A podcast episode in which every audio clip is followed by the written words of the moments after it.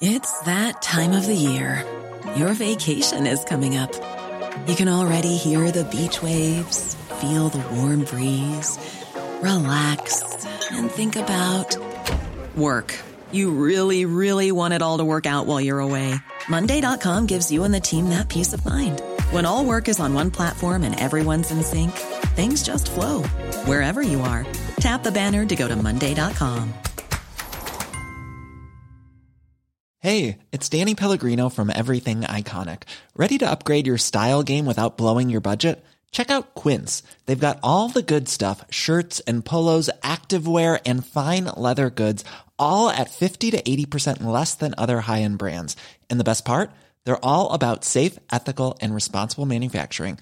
Get that luxury vibe without the luxury price tag. Hit up quince.com slash upgrade for free shipping and 365 day returns on your next order. That's quince.com slash upgrade.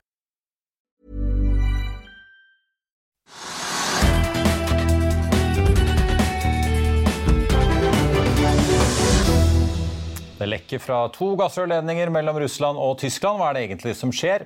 Targovax eh, får en viktig beskjed fra amerikanske FDA like før investortreffet her i Oslo i dag. Og er det nå full brems i norsk entreprenør- og anleggsbransje, eller kanskje ikke? Vi får besøk av Veidekkes analysedirektør, som er ute med en fersk konjunkturrapport dagen etter at konkurrenten SSC altså kommer med et resultatvarsel. Det er tirsdag 27.9. Velkommen til Økonominyhetene, der vi også skal få aksjetipset og analyse av Okea. Men først la oss ta en titt på markedet. Hovedindeksen var jo mye ned i går utover dagen før vi virkelig fikk god fart mot slutten av dagen og endte opp eh, et halvt, en halv prosent.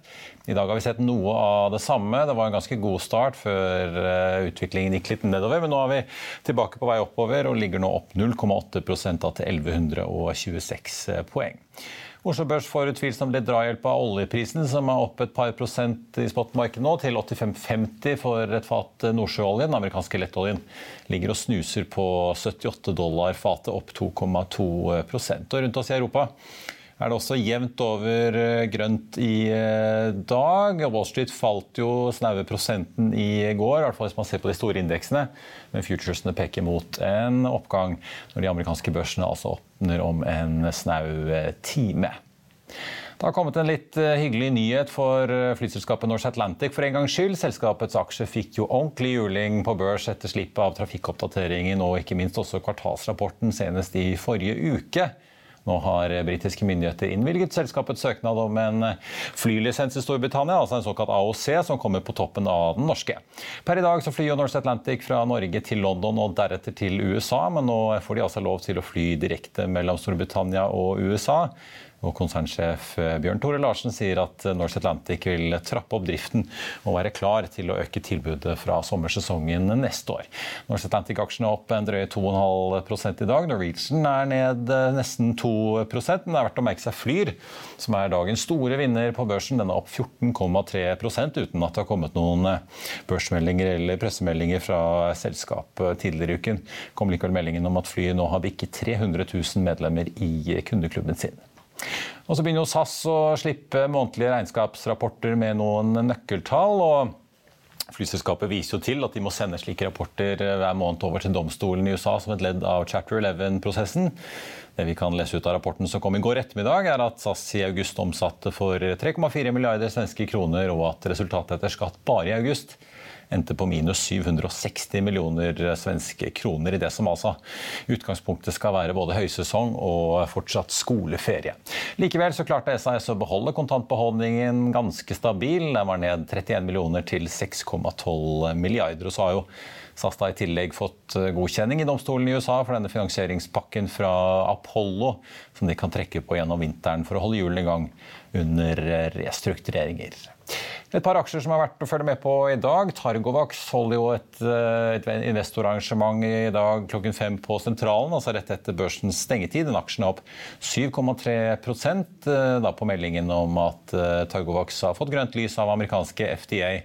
Og at de har fått vurdert og godkjent protokollen for fase to-studien av denne onkostudien si sånn, som pågår i pasienter med føflekkreft. Og eh, Jan Haudmann Andersen dominerte Nyco Therapeutics, tidligere kjent som Vaxibody, har i dag også meldt om det som skal være positive resultater fra deres eh, fase 1 og 2 eh, eskaleringsstudie. Aksjen åpnet opp, men den er nå ned nesten 4 La oss i Finansavisen hjelpe deg med å holde deg oppdatert på alt som skjer i finans og næringsliv. Hver morgen er jeg, Marius Lorentzen, og aksjekommentator Karl Johan Molnes på plass i studio for å ta tempen på dagens marked i Børsmorgen. På ettermiddagen oppsummerer vi alt du trenger å vite i økonominyhetene, og så får vi selvfølgelig besøk av masse interessante gjester. Du finner oss på fa.no-tv, eller ved å søke opp Børsmorgen og Økonominyhetene der du hører på podkast. Harmony Chain varslet jo i går at de kommer til å delvis permittere en del ledende ansatte. Den aksjen er ned hele 9,9% i dag. Også verdt å få med seg Adevinta, som faller litt over en prosent. Mandag kveld meldte de at de selger unna den meksikanske eiendomstjenesten eh, og eh, to ulike tjenester i Sør-Amerika unnskyld, til Navent Group. Og så har også Elop kommet med tall i dag for andre kvartal, og også meldinger om at de bytter finansdirektør kontantbåndingen til dette selskapet, som bl.a. driver med ultralydundersøkelser av infrastruktur, endte på litt over 50 millioner kroner ved utgangen av juni. Aksjen opp 2,5 så også Europris stiger litt etter at SR Forvaltning var ute og anbefalte aksjen. De mener jo at analytikernes inntektsestimater for alt mulig i butikken er for lave. Og Carbon Transition ligger høyt på omsetningslisten i dag, med en oppgang på 0,3% til en krone aksjen omtrent. Selskapet meldte i morges at de har kjøpt tilbake 5,3 millioner egne aksjer til 95 øre stykket. Så må vi til eh, gassmarkedet, altså. For mens gassprisene i Europa har falt en del ned igjen i det siste, så er de kraftig opp i dag etter meldinger om lekkasjer og skader på både Nord Stream 1 og Nord Stream 2-rørledningene. Det skjer eh, like før den nye Baltic Pipe-gassrørledningen fra Norge til Polen tas i bruk for fullt. Nord Stream 1 har jo vært en av de viktigste forsyningsveiene Tyskland har for naturgass eh, hvis det ikke skal gå gjennom Ukraina. Og Rørledningen går jo da fra Russland og via Østersjøen og inn til Tyskland. Nord Stream 1 ble jo for kort tid siden stengt ned for, stengt ned for vedlikehold, før russerne etter hvert sa at den ikke åpner igjen før sanksjonene mot landet fjernes mens den nye Nord Stream 2-rørledningen aldri rakk å bli tatt i bruk, ettersom Tyskland til slutt da satte foten ned for hele prosjektet etter invasjonen av Ukraina. Skadene som nå er oppdaget, mistenkes av tyske myndigheter for å være sabotasje, og den danske statsministeren Mette Fredriksen uttalte til pressen i dag at det er vanskelig å se at eh, det oppstår skader på begge rørene samtidig, kan være en eh, tilfeldighet. Ifølge Reuters så sier den russiske regjeringens talsmann Dmitrij Peskov at Russland heller ikke utelukker eh, noen ting, og Bloomberg har mer om hva vi vet. What do we know um, and what don't we know about the Nord Stream 1 and Nord Stream 2 damage? Yeah, so uh, we know that things happened uh, almost simultaneously. So we saw uh, pressure dropping in both uh, Nord Stream and Nord Stream 2 pipelines. And Nord Stream operators said that actually there is no clue. They cannot say, it's impossible to say uh, when flows can resume through the pipeline. We see there are some gas leaks. they were detected in the Danish and Swedish exclusive economic zone. Uh, Germany said it's investigating. Denmark said it is stepping up um, security at its energy facilities. Uh, we don't know the reasons. We don't know what is the actual impact of those leaks. So uh, there is still a lot uh, being investigated. Yeah, a lot to discover, a lot to, to understand about what has caused this, caused this, then, Vanessa. What does this mean for energy markets? I just uh, highlighted a jump in uh, the benchmark energy price in Europe today. Uh, but that, is is that because it's telling us something about the future and the chances of seeing supply restored? Because both of these pipelines are idled at the moment. Exactly. So both, let's remember, uh, both pipelines are idle. Nord Stream uh, was halted. The flows through Nord Stream were halted um, uh, earlier this month. And also Nord Stream 2 has never sent any gas to Europe after uh, Russia started its war in Ukraine. And so actually uh, there is no impact in gas supplies to Europe. There is no impact. But look, the markets, traders uh, are already tense. The situation is tense. Markets are really tight. And that just adds to this uh, uh, situation, to this bullish moment. And now that we know that it's impossible uh, to say when Nord Stream flows will resume, that is uh, something that adds to this nervous.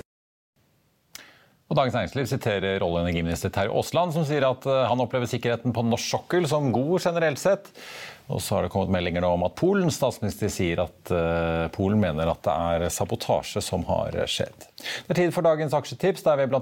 hører om en forvalter som har shortet seg til suksessår. Bare se her. Det er ingenting som er trygt. Hold deg i cash. Det sier hedgefondforvalter Dan Niles. Fondet hans er i grønt hittil i år, i motsetning til alle de ledende indeksene i USA, som er ned godt over 20% så han vet hvordan han skal navigere markedene. Og Niles han tror at aksjene kommer til å falle enda mer, mer enn det markedet forventer. Vi er opp for i år, men det er ikke pga. long-posisjonene våre. Det er pga. shortene, sier Niles. Shorting det går ut på at du vedder på at verdien på aksjene skal falle ikke stige. Det er jo i teorien lurt, nå som alle sier at markedene skal falle videre. Men det krever veldig mye kunnskap, og det er sjanse for å tape store penger, så her er det viktig å være forsiktig. Av aksjetips har nå chipprodusent Nvidia gjort comeback. Både Citibank og JP Morgan ser sterk etterspørsel i gaming og skytjenester. JP Morgan har et kursmål på 220 dollar, mens City har satt kursmålet til nesten 250 dollar. Det er en dobling fra kursen i dag. Nå skal vi snakke konjunkturer og økonomiske nøkkeltall, kan vi vel si. For la oss ta det først. da. Virke er ute med nye tall i dag. Byggevarehandelens omsetning rapporterer de falt med 2% i andre tertial, altså perioden mai til august, mot samme periode i fjor. Og mens det bremser i bl.a. Nordland og Møre og Romsdal, så er det fortsatt vekst i Oslo og svak oppgang i Rogaland og Innlandet. Direktør Aslaug Koksvik eh, påpeker samtidig at forbrukermarkedet har hatt negative vekstrater helt siden tredje tertial i fjor, etter dette høye nivået under pandemien. At privatmarkedet nå faktisk er 13% under andre tertial i fjor. Og fra byggvarer skal vi over til eh, si, mer asfalt og betong. Kristoffer Eide, Hoen, analysedirektør i Veidekke, velkommen til oss. Takk. Du, dere er ute med en, denne konjunkturrapporten som dere kommer med jevnlig, som veldig mange selvfølgelig følger med på. For dere sitter jo med ganske mye følgere rundt omkring, og dere samler jo inn data fra alt fra statsbudsjetter til eh, det vi vet fra store oppdragsgivere i offentlig og privat sektor. Men nå har dere summert opp da entreprenørmarkedet i fjor her i Skandinavia til 800 milliarder eh, kroner. Det er ikke småpenger. Eh, aller først, hva tror dere blir i året? Er det over 800?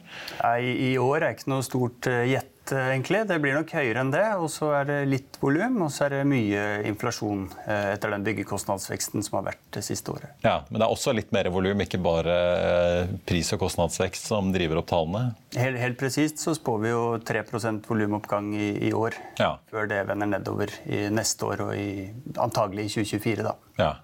Jeg så litt på disse prognosene, for dere har jo da for Sverige, Danmark og eh, Norge. og jeg så på entreprenørmarkedet, så venter dere faktisk også en vekst neste år, mens da Danmark og Sverige opplever nedgang? Her må vi jo skille litt mellom hva som er ordreinngang og hva som kommer til produksjon. Og, og mye av de liksom, tilsynelatende positive tallene våre for neste år og helt inn i 2024 bygger jo på ting vi har sett igangsatt helt frem til uh, egentlig her vi sitter her og nå. Ja. At det har holdt seg på et høyt nivå. Det er liksom mye å gnage på. Uh, eller bygge, da. Selv om det skulle bremse på, på kall det nye ordre. da. Men Ta oss litt gjennom uh, de ulike segmentene. for dere har jo liksom Anleggsbransjen så er det jo leiligheter og småhus. Det er offentlige yrkesbygg, private yrkesbygg. Kan du gå liksom litt gjennom de hovedkategoriene og fortelle oss litt uh, hvordan utsiktene ser ut nå? Er det, hvor er det det eventuelt bremser opp, og hvor er det at aktiviteten fortsatt vil holde seg? Ja, vi har jo et, anleggsmarked som er det største, uh, i, i, dominert av Norge og, og Sverige. Eh, her har det jo vært varslet, eh, særlig i Norge, da, eh, massive kutt. Og så er det jo spørsmål kutt fra hva. Det får vi vite 6.10 i statsbudsjettet. Vi tror det er kutt fra planer som, og prosjekter som har vært urealistisk å få i gang så mye. Det har ligget planer for 90 milliarder neste åra. Det er det som skal kuttes, tror vi, eh, og ikke nødvendigvis byggenivåene. De tror vi på, på en anleggsside kommer til å holde seg høye innenfor samferdsel. Eh, og etter hvert blir ganske kraftig supplert av eh, vann, avløp og energi. Som er et veldig spennende marked for entreprenørnæringen fremover. Siste sommeren nå er jo bare en, en påminnelse av, av behovene. Kan legge til at Der, der kommer også større jobber etter hvert. Som er kanskje mer match for, for, for oss som store entreprenører. Eh, på boligsiden så er det klart eh, vi, kommer jo fra et skyhøyt nivå, så det er ikke veldig rocket science å si at det skal ned. Eh, det er ikke rimelig og naturlig å forvente at vi skal kunne bygge boliger på det nivået. Så blir det spennende å se hvor langt ned kan det komme. Kommer denne bremsen som, som mange snakker om, kraftig? Eller, eller, blir det litt som tidligere, hvor, hvor det har vært ropt mye? Eh, men, men, det har liksom ikke manifestert seg over tid, da, en, en, lang nedgang. Det har kommet fort tilbake. Det tror jeg også vi skal være eh, nøye med å si at vi, vi har ikke sett full brems ennå, i hvert fall ikke på byggsiden. Eh, og så er jo også private og offentlige yrkesbygg eh, rentesensitive segmenter. Det er klart at en, en høyere rente, sånn som, helt, sånn som, vi ser, selvfølgelig, og, og, som kan bli enda høyere, vil, vil dra ned volumene der. Men, men, vi kommer fra et høyt nivå. Vi har mye å jobbe med i det korte bildet. Så, så jeg ville tenke at det var fornuftig å være litt mer iskald før man liksom roper krise. Men er det, er det yrkesbygg, altså kontor og næringseiendom, som først blir rammet av disse renteøkningene? Ja, Det er nok uh, særlig altså, bli rammet. Det får vi se, som sagt. Men, men, det er jo særlig industri, lager og logistikk som har dratt opp det vi kaller private yrkesbygg. Det er jo et stort segment i, i vår næring. Uh, og, og, gjøres mye. Og også vært relativt greit i løpet av siste året hvor byggekostnadene har gått så mye. Og liksom få avsetning i andre enden da, hos eh, sluttkunden fordi trøkket er stort. På samme måte som på bolig, hvor nyboligprisen også har, har økt mye, og du har liksom fått solgt det likevel. Så blir det litt spennende å se på, på sluttkundesektoren fremover, om man fortsatt kan, liksom kan ta ut eh, de, de, eh, kostnadene man har opplevd. Ja, for det NCC ga ut om dette resultatvarselet ja. i går, da, hvor de sier at eh, de har jo økt prisene sine veldig mye. De peker jo særlig på asfalteringssegmentet hos dem innen da, industri særlig, både i Norge og Danmark. Men de sier at de saftige prisøkningene er ikke nok til å ta igjen kostnadene deres inn. da. Dette er jo NCC sin melding. Ja, ja. Nå skal du slippe å snakke for dem, men jeg tenker sånn, det, hva ser dere fra deres uh, ståsted? Liksom, hvor, mye, hvor mye svir inflasjon? Er det sånn at Nei, det aktørene klarer å snu seg rundt og ta det inn igjen på et eller annet tidspunkt, eller er det Det med inflasjon eh, har, har jo særlig vært Eh, egentlig en utfordring. Det har vært en utfordring over halvannet år nesten.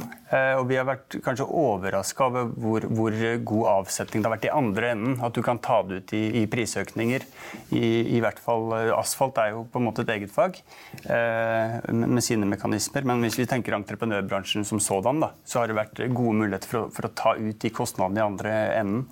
Eh, nå ser vi at f.eks. boligprisene spås litt ned, selv om det er moderat. Eh, det er ikke sikkert vi kan regne med den, den eh, muligheten for å ta ut de prisene i andre enden fremover. Det vil være urealistisk, kanskje. Så, så, er det jo også sånn at vi har jo sett at byggekostnadene har faktisk vært ganske forutsigbare siste halvåret. Vi spådde at de skulle opp på 7-8 i mars, og det har de jammen truffet på. Så er de på vei ned. Så det er ikke sikkert vi skal ha samme utfordringen derfra heller, da, fremover. Eh, som kan selvfølgelig også hjelpe næringen fra, fra nedsiden. Um, men, men uh, alt i alt så har det vært gode muligheter for å få kompensert, vil jeg si, så langt. Kanskje overraskende gode muligheter. Og da snakker jeg om bransjen i bredt. Asfalt har jeg ikke så lyst til å gå inn på her og nå. Det har jeg egentlig ikke forutsetninger for, for heller. Da. Vi, vi, sa litt om det i vår andre kvartalsrapport, Veidekkes asfaltvirksomhet. og inntil vi kommer tredje kvartal, så, så, tenker jeg det er budskapet. Da. Ja, men altså, vi, vi, hører jo fra både Stockholm og København også at boligmarkedet begynner å kjøle ganske mye. Så får vi se litt hva, sånn som du sier, hva som skjer i uh, Oslo. Men hmm. hva ser dere på en måte i nybolig? da? Er det noe tegn til at liksom, nå bremser det liksom, kjøpeviljen opp litt? Grann? Vi, vi, så jo ganske svake eh, salgstall på leilighetssiden i Norge for første gang nå i august og, og juli. Unnskyld. Her, man, eh, det kan skje de beste. Beklager. Eh, men, men eh, det er jo etter et år hvor man liksom har pushet alt man hadde i varehyllene ut. da. Eh, så det kan vel være en, en rimelig konsekvens at man, man la betydelig mindre ut for salg også. Mm. Så, så, her kan det ha vært like mye tilbudssiden som etterspørselssiden som har vist seg i disse augusttallene, som, som jo har fått mye oppmerksomhet. Eh, så, så, vil tiden vise om, om, også etterspørselen nå skal mye ned. Da. Det har jo vært, har vært veldig høyt. Ja. Så, ja. for det er jo det sentralbankene vil. Altså, de er jo ganske direkte med at de vil jo at vi skal kjøpe mindre og bruke mindre. Ja, altså, temperaturen er for høy og det er for lav ledighet. Og, det er jo på en måte dette de vil. Så sånn sett er det kanskje litt godt at det ikke er så intenst press på arbeidsmarkedet. At det er litt lettere å få tak i folk til å gjøre jobben. Og... Ja, vi, vi, eh, vi skjønner at noen kan rive seg i håret om at vi sier at nedgang kan være bra. Men det er som du sier, det er jo en ønsket utvikling i makro, og kanskje også i vår næring.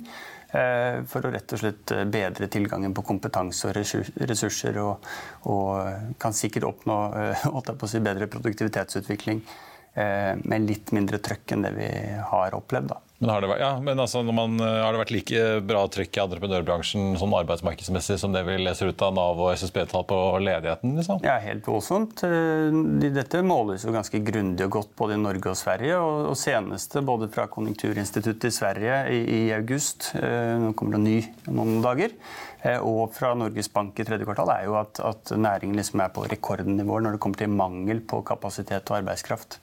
Eh, jeg sitter jo selv på brakka nede i Nøtterøy to dager i uka. Hvor vi bygger boliger, og, de sier at det er vanskelig å få tak i heisekraner om dagen. Ja. For de er, de er, i bruk eh, allerede. Så det, det er liksom øyeblikksbildet som derfra, da, får vi si.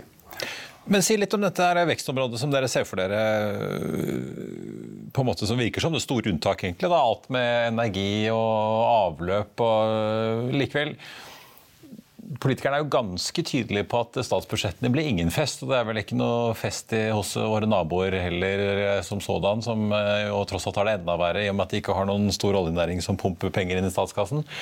Eh, liksom, hvorfor denne veksten? da? Er det fordi det må prioriteres at politikerne ikke har noe valg?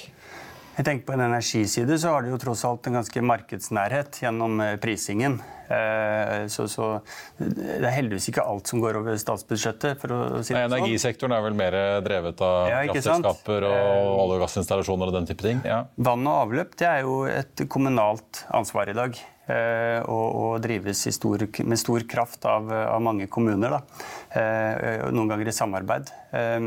Det er klart at uh, Man kan jo lure på, det er jo innbyggerne som til syvende og sist skal betale sånn som dagens modell er. Så kan man jo stille spørsmål med de behovene som vi nå ser seile opp. Da, om det er rensing av Oslofjorden etc. Hvor, hvor lenge kan det være et, uh, bare et kommunalt finansieringsansvar? Um, det, det, kan man spørre seg om. Men det, det, den analysen at dette kommer i vekst, det er jo ikke bare vår analyse. Det er f.eks. også noe eh, Norges Bank var ute med nå i, i pengepolitisk rapport. og og ser jo en energisektor for eksempel, som kan eh, gå opp mot 70 milliarder i 2030. Ja. Fra, fra, dagens uh, rundt 20. Ja, For da er det typ kraftlinjer og olje- og gassinstallasjoner? Og... Det er uten olje og gass. Ja. Det er havvind. Ja. Havvind er viktig. Eh, Men ikke landinstallasjoner altså, på olje og gass? Nei. Nei. Men det er, det er, jo et, et liksom, påminnelse, det vi har sett denne sommeren. Dette er jo markeder, særlig på vann- og avløpssiden, som har vært i vekst over mange, mange år. Eh, og, og, det er liten grunn med, med, det bakteppet vi har sett nå, til at det skal bli noe mindre eh, fokus på forsyningssikkerhet mm. og rensing der hvor dette er et stort problem, eh, f.eks. Oslofjorden. I Østersjøen har man jo begynt for lenge siden, og det er jo ganske store volumer innenfor vår næring som, som pågår i Stockholm nå. Ja også med oss som viktig aktør. Da.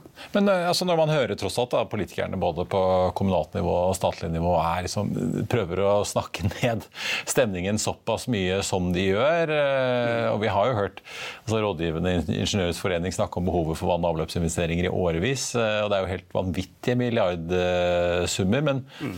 Blir ikke dette fort ofret når politikerne har lite handlingsrom og er nødt til å finne steder å kutte? Er det ikke typisk da vedlikehold og oppgradering som ikke er så synlig som eh, de går løs på først? Det, det, I hvert fall ganske fort. Det er mulig analysen er naiv, men jeg tror ikke det. Jeg tror sånn som den sommeren her har artet seg, hvor folk, ikke minst her på Oslo-området, østlandsområdet, har fått føle på at de må rasjonere på vann.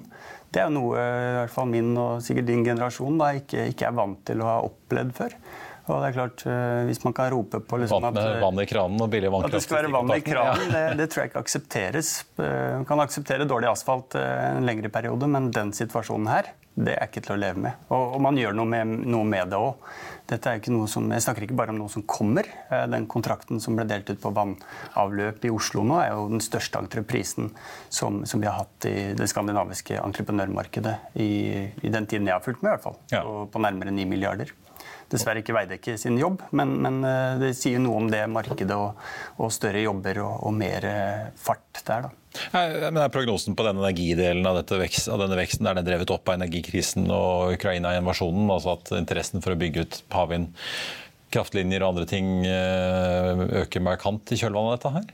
Ja, Det kan være både magasinering, det kan være mange dammer som eh, har hatt et stort eh, Kunne laget like stor rapport om etterslepet der som på, på vann og avløp. Eh, Og, og med de prisene man har hatt nå, så kan man i hvert fall ikke skylde på kapitalisering og inntektsside, tror jeg.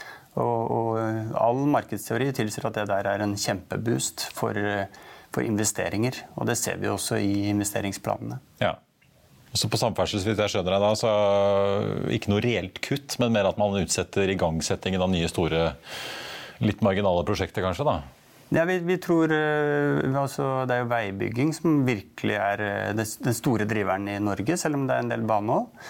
Vi tror jo nivåene og, verdien på det kommer til å holde seg høyt eh, i prognoseperioden ut 24, 2024 som vi har. Men, men eh, at disse 90 milliardene som man planla å sette i gang, kommer til å bli kutta voldsomt, eh, det kjenner vi oss også trygge på. Men det betyr ikke at eh, liksom, aktivitetsnivået skal ned. Det blir ikke bråstans neste år eller året etter, kanskje? Men uh, vi setter oss jo 6. 6. oktober vi òg, og følger nøye med. Uh, hele, hele næringen tror jeg er spent på hva, hva betyr de tinga man har snakket om, om kutt nå. Jeg tror det er mest, uh, mest hva, hva heter det, forventningsstyring. Her Ja. kommer, her kommer selvfølgelig mange til å bli misfornøyd i der hvor veien ikke kommer. da. Det blir sikkert mye surmuling i vandrehallen eh, neste torsdag. Eh, Men til slutt, da, bare for å ta Nå er jo inflasjonen det store spørsmålet hvor lenge dette holder. Men dere ser at byggkostene begynner å flatte ut? Er det et tegn på at liksom ting begynner å gå seg litt til, eller? Ja, vi, eller jeg tror, jeg tror det er naivt å tenke at vi skal tilbake til eh, den form for, for normalitet da, og stødighet som det var i disse byggekostnadene eh, tidligere. Eh, men men eh, hovedbildet, sånn som vi leser internasjonale sentrale råvarepriser nå, er jo at, at eh, det kanskje skal flate ut utover høsten, kanskje moderat ned. da. Så er det jo sånn at det er mange forhold som kan endre den prognosen, selvfølgelig. Ja. Ja hva er liksom de store tingene som kan rokke ved det?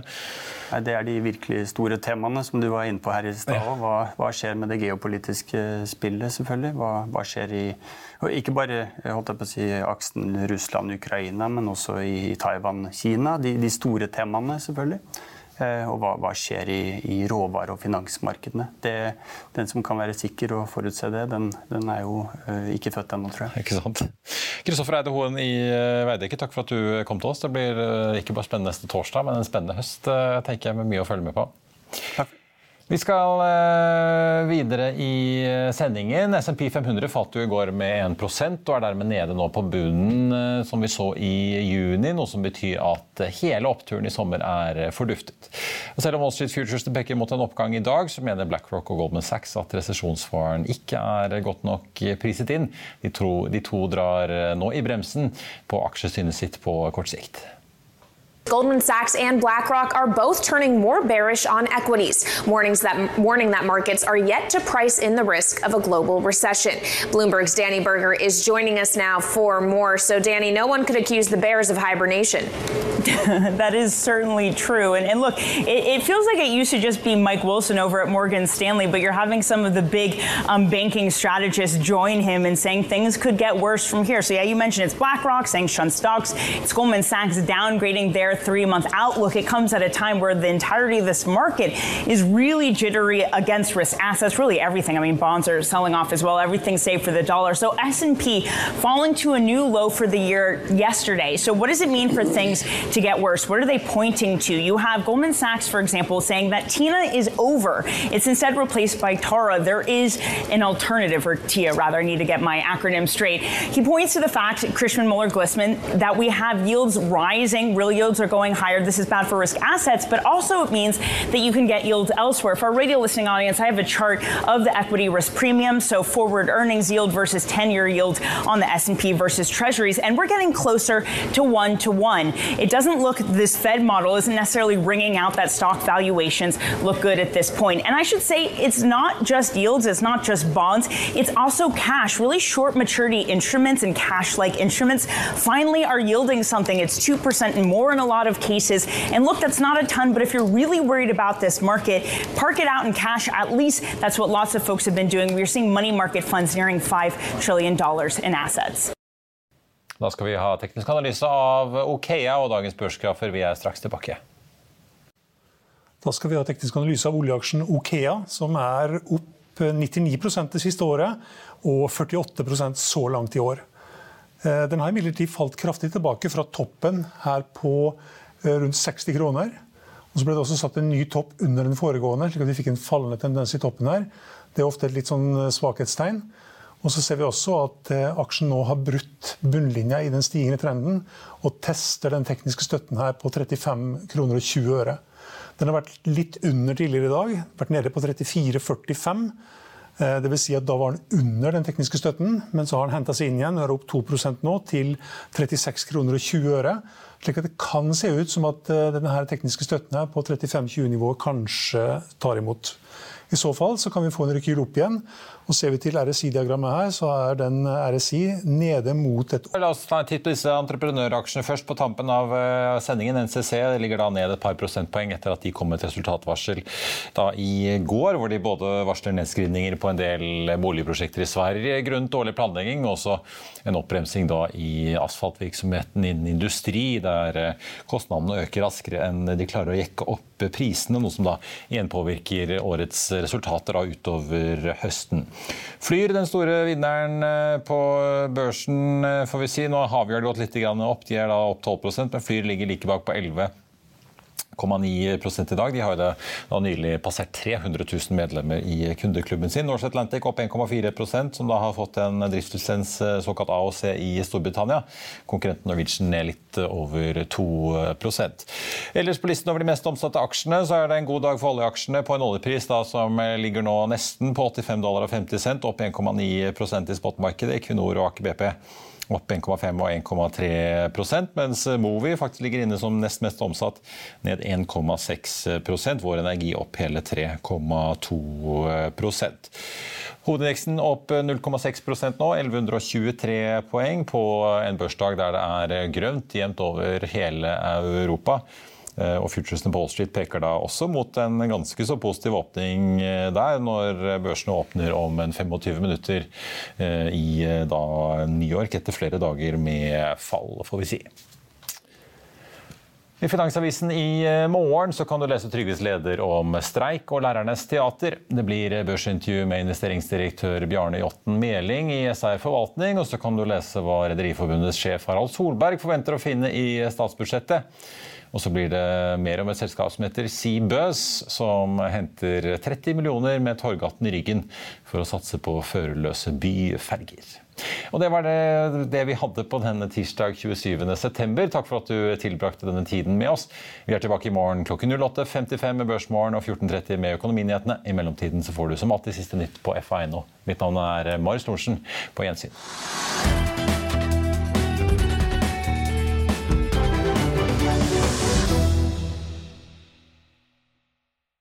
Økonominyhetene er en podkast fra Finansavisen. Programledere er Marius Lorentzen, Stein Ove Haugen og Benedikte Storm Bamvik. Produsenter er Lars Brenden Skram og Bashar Johar. Og ansvarlig redaktør er Trygve Hegnar.